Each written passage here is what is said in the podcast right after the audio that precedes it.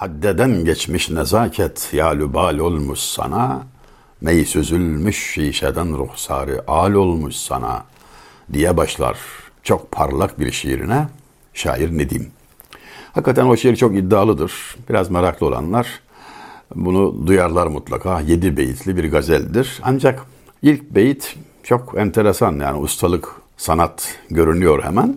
Haddeden geçen bir nezaketten bahsediyor. Sevgiliyi överken yani gazelin konusu güzeli övmektir zaten de. Şimdi öyle bir güzel övülmektedir ki burada nezaket haddeden geçirilerek ona kol kanat olmuş. Yani yok artık dediren bir şey. Yalü bal.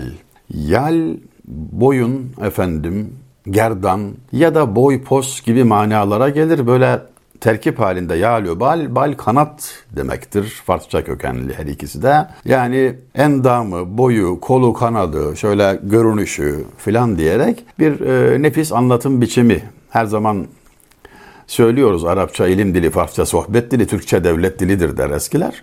Yani şiire son derece yatkın bir lisan tabi Farisi. O yüzden de Farsçadan Türkçe'ye giren böyle bilhassa güzellik tasvirlerine dair kelime biter tükenir gibi değildir. Şiirimizde de çok esaslı yer tutar. Yalübal bunlardan. Şimdi güzelin kolu kanadı olan şey neymiş? Haddeden geçirilmiş nezaket. İnsana yok artık dedirten bir şey. Çünkü hadde demirin geçirildiği bir sistemdir ve oradan geçince demir hamura döner, yumuşar, e, kıpkırmızı olur, şekil alacak hale gelir, çekişle döverler onu. Ne yapacaklarsa yaparlar. E, buz gibi demiri o hale getiren haddeden eğer nezaket geçerse çıkınca ne olur?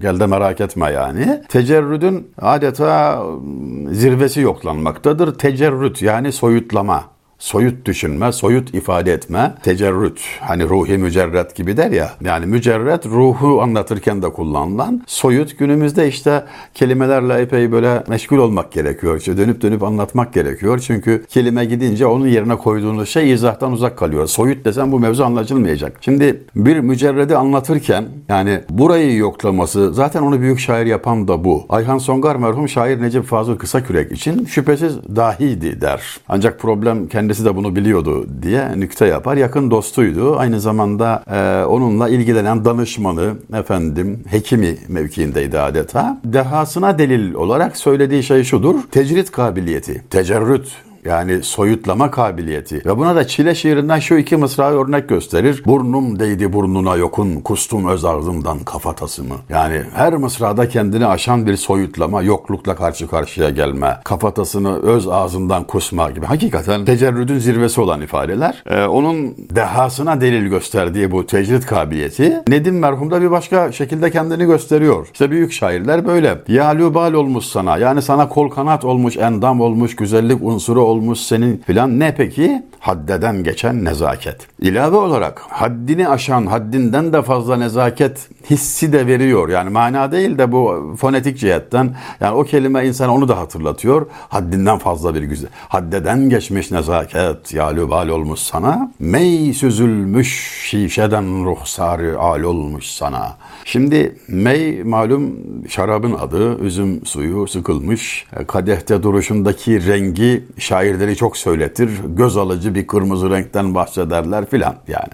Rengiyle göz alıcı, ilgi çekici. Ancak sevgilinin yanağındaki kırmızılığa bunu örnek göstermekle yetinmiyor şair. O güzellik haddeden geçmiş nezaket yalübal olmuş sana mey süzülmüş şişeden. O haliyle değil, şişeden süzülerek ruhsarı al olmuş sana. Yani hakikaten kendi halinde bile güzelliğiyle dikkat çeken bir şeyi oradan da süzerek sevgiliye güzellik diye, makyaj malzemesi diye uygun gören şaire ne demeli ki? Bunu çok daha ilerilere götürüyor sonraki beyitlerden. Bu gül takdir olunmuş, nazın işlenmiş ucu, biri olmuş hoy birisi destmal olmuş sana gül kokusu takdir olunmuş. Şimdi kelimeler, kelimeler, kelimeler. Yani üzerinde, üzerinde fazlaca durduğumu yadırgamayın sevgili izleyenlerimiz. Hakikaten bütün mesele orada. Takdir kelimesi takdir değil yani övme, beğenme, takdir, takdirname o, onu kastetmiyorum. Tı harfiyle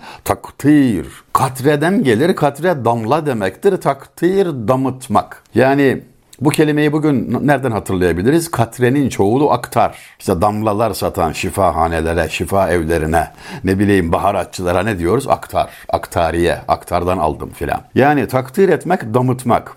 Neyi damıtıyoruz? Sevgili izleyenler lütfen dikkat. Gül kokusunu. Bu ye gül takdir olunmuş. Yani gül kokusu damıtılmış, Allah Allah aman ya Rabbi. Gül kokusu zaten bir mücerret. Zaten insana yeterince güzellik hissi veren, gözün görmediği, elin tutmadığı ama herkesi mest eden bir güzellik olarak yeterince narin, yeterince naif ama onu da damıtarak sevgiliye parfüm haline getiriyor. Buğye gül takdir olunmuş. Daha da ileri gidiyor dedim ya. Nazın işlenmiş ucu. Şimdi naz nedir ki ucu işlensin? Yine bir soyut, yine bir mücerretten bahsediyoruz. Yani mendilin ucuna dantelle işleme yapılmasından yola çıkarak nazın ucu işlenmiş ve ona mendil olmuş. Damıtılmış gül kokusu parfüm olmuş, ter kokusu olmuş. Mendil gibi izlenen naz da ona elinde malzeme olmuş, mendil olmuş filan. Tabi bu kadar ileri götürdüğü ve yok artık dedirttiği güzelliği siz merak ederken son beytte imzayı atıyor. Yok bu şehriçre senin vasfettiğin dilber nedim, bir peri suret görünmüş, bir hayal olmuş sana. Ya sen bir güzelden bahsediyorsun falan ama Nedim yok o senin dediğin,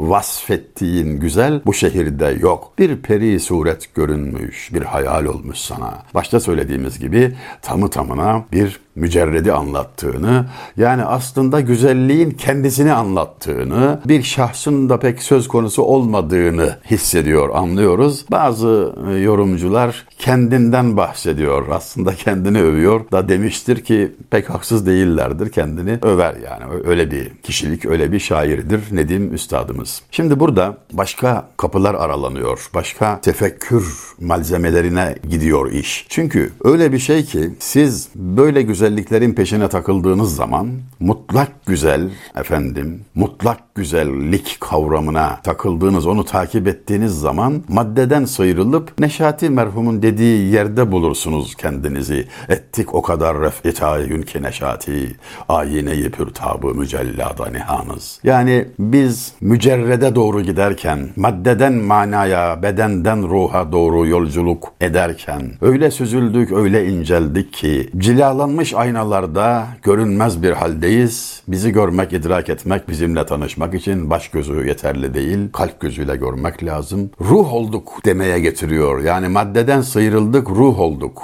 Neşati merhumun bu beyti daha önce bir vesileyle temas etmiştim. Yahya Kemal tarafından. 4 saatten fazla bir kompartımanda Fransız aydınına anlatılmış ve onun hatadan dönmesi, kendini toparlaması sağlanmıştır. Bir dakika ömrüm kalsa Çamlıca'dan İstanbul'u seyretmeye harcardım diyesiymiş Lamartin. Bilmiyorum ne kadar doğru ama dediyse doğru demiş. Hakikaten İstanbul'un en güzel görüldüğü, en güzel panoramik biçimde görülebileceği bir yerdir Çamlıca. Ancak aşığı ne Lamartin'den ne Yahya Kemal'den ibaret. Onu, onu her gören aşık.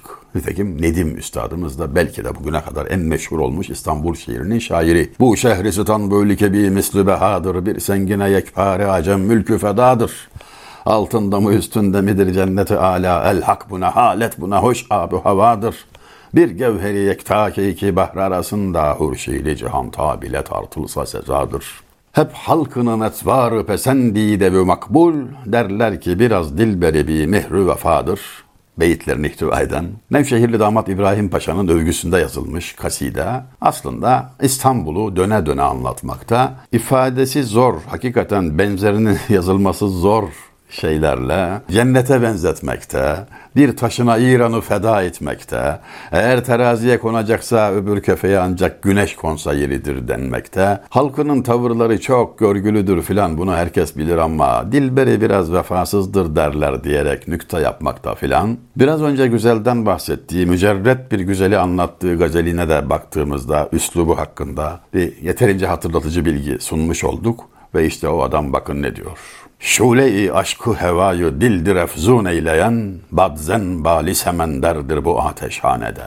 Bugüne kadar edebiyatımızda yani çok etkilendiğim 3-5 hadi diyelim ilk ona giren bir beyttir bu Nedim'e ait. Şule-i aşkı hevayı dildir efzun eyleyen, bad zen bali semenderdir bu ateşhanede. Dedim ya bal kanat. Bali semender semenderin kanadı.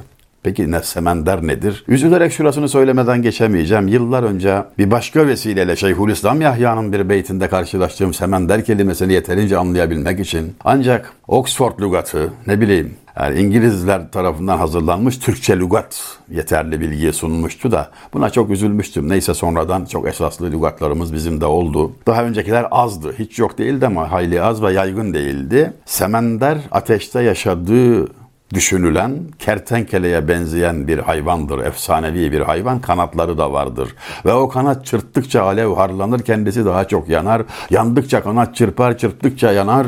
Pervane gibidir yani hikayesi.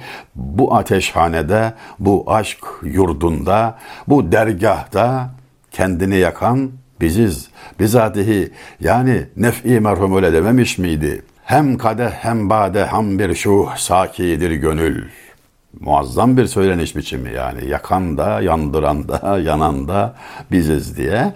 İnsanın yani aşkı anlatma noktasında ustalarımızın hangisine müracaat etsek elbette baş döndürücü, e, ruh açıcı işaretler görüyoruz ama onların bize dedikleri özetin özeti şu olabilir. Seviyorsan bil ki sevildiğindendir. Çünkü sevgi yukarıdan gelir. Aşk odu evvel düşer maşuka andan aşıka. Şem-i gör kim yanmadan yandırmadı pervaneyi. Seven bilsin ki sevildiğindendir ve onu korumasını, layıkıyla hareket etmesini de bilsin. Aksi hıyanet olur.''